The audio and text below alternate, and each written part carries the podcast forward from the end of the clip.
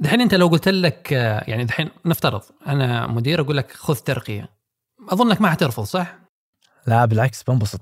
طب أنت يعني بس في كان معلومة أمس قريتها في في مقال على ميديم كان يتكلم عن إنه الموظفين في اليابان خصوصا الصغار ما يحبون الترقية. والسبب إنه يعني كثير ترى من الشركات في اليابان موضوع الترقيات خصوصا فيما أظن بما يتعلق بالراتب وإنه رفعت الراتب بس بحسب الأقدمية. فيعني انك كونك مثلا أنت موظف صغير يعني حتى ساعات الترقيات ترى ما في هناك يقول لك مراقبة للأداء. في كذا مراقبة لأداء التيم ككل الاداء الفريق ككامل وخلاص إنه الأقدم يترقى ويأخذ مبلغ زيادة.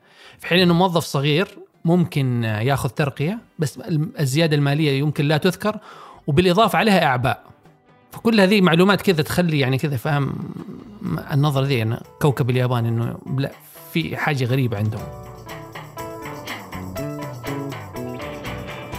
هذا بودكاست الفجر من ثمانية بودكاست فجر كل يوم. نسرد لكم في سياق الأخبار اللي تهمكم. معكم أنا ثمود بن محفوظ. وأنا ريان دعفس والآن محتوى بودكاست الفجر وتأثيره على الناس يهمنا نطوره ويكون أفضل. حتلاقي في وصف الحلقة استبيان سريع يساعدنا عشان يكون الفجر أفضل بودكاست إخباري تسمعه في بداية يومك.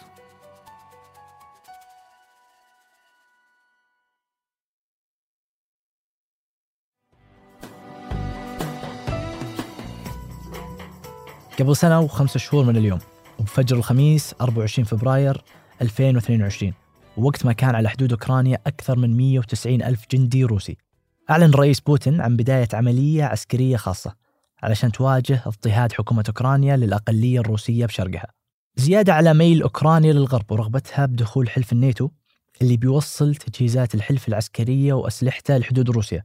وهو الشيء اللي تقول روسيا أنه يخالف اتفاقها مع الناتو وقت ما سقط الاتحاد السوفيتي بعام 1991 على أن الحلف ما راح يتوسع بالشرق جهة روسيا. ومع إعلان بوتين بدت قوات برية مع مدفعيات مهامهم شرق أوكرانيا. ومع غطاء ودعم جوي.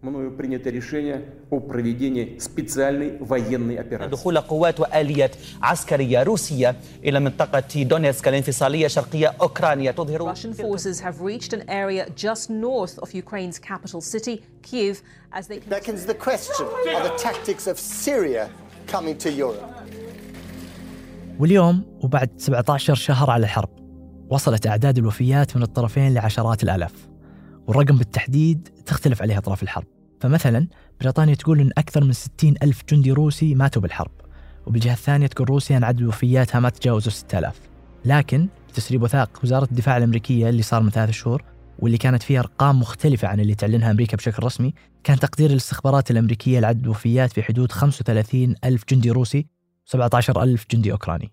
وغير وفيات العسكريين تقول تقديرات من الأمم المتحدة أن أكثر من 9000 مدني ماتوا بسبب الحرب. ويصير بالمجموع فوق 350 ألف من الطرفين سواء كانوا عسكريين أو مدنيين. إما ماتوا أو أصيبوا. وبالنسبة للمدنيين الأثر الأكبر عليهم من الحرب كان مختلف.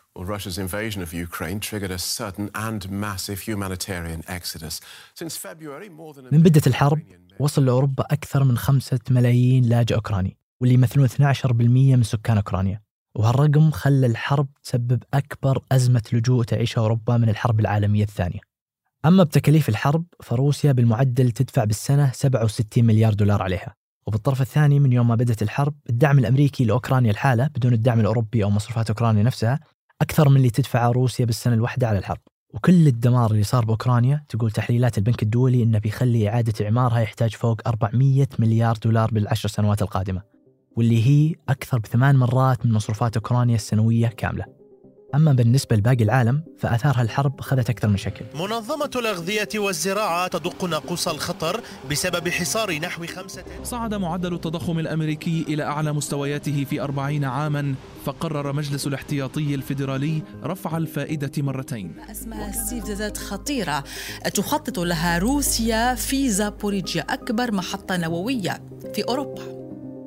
بعد أقل من شهر على بداية الحرب وصل مؤشر أسعار الغذاء اللي تقيسها الأمم المتحدة لأعلى مستوى بتاريخه وبالذات القمح اللي زادت أسعاره وبشكل سريع بحول 20% بعد ما تعطل جزء كبير من صادرات روسيا وأوكرانيا منه بسبب الحرب بينهم بالذات وأنهم لحالهم يصدرون ربع كمية القمح اللي يستوردونها دول العالم. صارت الحرب من أهم أسباب التضخم اللي يمر بالعالم اليوم. وتقول التقديرات أن الحالة مسؤول عن 2 من 8% من نسبة التضخم السنة اللي راحت. وب 2023 بيكون له 1% من نسبة التضخم فيها. عموما بسبب كل آثار الحرب تقول دراسة للمعهد الألماني للاقتصاد إن العالم خسر السنة اللي راحت فوق تريليون و600 مليار دولار. وهالسنة ممكن تعدي الخسائر تريليون دولار. وكل هذه الآثار على طرفين الحرب وبقية العالم. ووصول الخطر النووي حسب الأمم المتحدة لأعلى مستوياته منذ الحرب الباردة خلت كل الأطراف يحاولون يحلون المشكلة أكثر من مرة ومن البداية. If you are unaware, peace talks have begun between Russia and Ukraine. We have no idea. فأول محاولة كانت بعد أربع أيام فقط من بداية الحرب وفي بيلاروسيا. وقالت وقتها أوكرانيا أنه هدفها توقف الحرب بأسرع وقت مع خروج روسيا من أراضيها. أما روسيا فكان لها من البداية ثلاثة مطالب رئيسية. الأولى أن أوكرانيا تعدل دستورها بشكل يضمن حيادها بين روسيا والناتو. والثاني أنها تعترف بتبعية شبه جزيرة القرم لروسيا اللي سيطرت عليها روسيا من دخولها لها في 2014 والثالثة أنه أوكرانيا توافق على استقلال منطقة دونباس بشرقها اللي ثلث سكانها تقريبا من أصل روسي واللي نمت فيها حركة المطالبة بالاستقلال من أوكرانيا من وقت غزو شبه جزيرة القرم في 2014 لكن المفاوضات انتهت بشكل سريع وبدون أي نتيجة. وبالشهر اللي بعده صارت أكثر من محادثات وأغلبها بوساطة تركية. وقربت تحل الأزمة بالذات مع موافقة أوكرانيا على الشرط الأول واللي هو تنازلها عن عضوية الناتو. لكنها رفضت الشرطين الباقية وهذا الشيء خلى المحادثات تنتهي أيضا وبدون أي نتيجة. ومن بعد حاولت أكثر من دولة زي البرازيل وإندونيسيا والصين يقترحون أكثر من اتفاقية سلام ممكنة لكن كلها ما كان لها أي أثر. ومن آخر المحاولات قمة صارت بالدنمارك قبل حوالي شهر بحضور أوكرانيا وأمريكا ودول الاتحاد الأوروبي بالإضافة للسعودية وتركيا والهند والبرازيل وجنوب أفريقيا عشان تناقش اقتراح أوكرانيا للسلام اللي اقترحته قبل تسعة شهور وفي عشر نقاط رئيسية. واللي أهمها استعادة سيادة أوكرانيا على كل أراضيها وإطلاق كل السجناء العسكريين بين الدولتين وتأمين صادرات أوكرانيا من القمح عبر البحر الأسود بالإضافة لنقاط أخرى زي محاكمة مجرمي الحرب وتأمين المواقع النووية بأوكرانيا وغيرها. فيصير ممكن بعدها تتطور فرصة السلام وأنه روسيا وأوكرانيا يوصلون لصيغة مرضية لهم الاثنين وبعدها دعت السعودية مستشارين الأمن القومي بالدول اللي شاركت بقمة الدنمارك بالإضافة لدول ثانية زي الصين واليابان وكوريا الجنوبية لقمة شبيهة في جدة صارت أمس السبت وأمس الأحد Saudi Arabia is set to host Ukraine and almost 40 other countries to discuss a peace plan proposed by Ukrainian President Volodymyr Zelensky.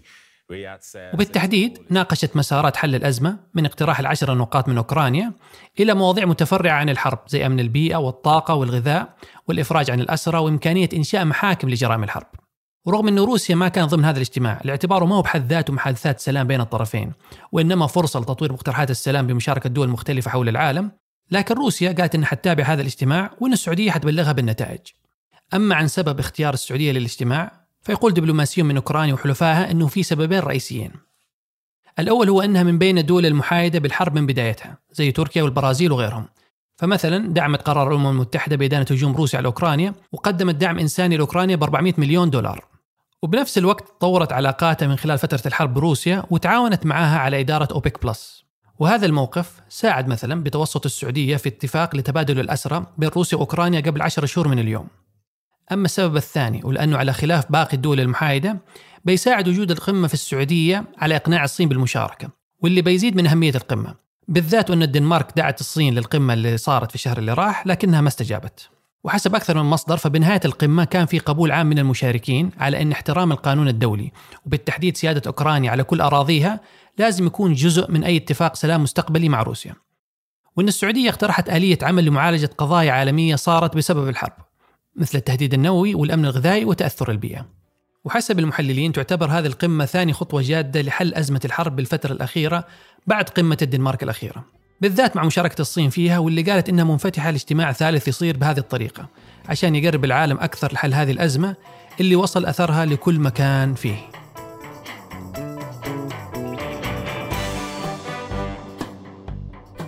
أنتج وراجع هذه الحلقة عمر العمران وقدمتها أنا ريان دعفس وأنا ثمود بن محفوظ. وحررها أنس الخليل. نشوفكم بكرة الفجر.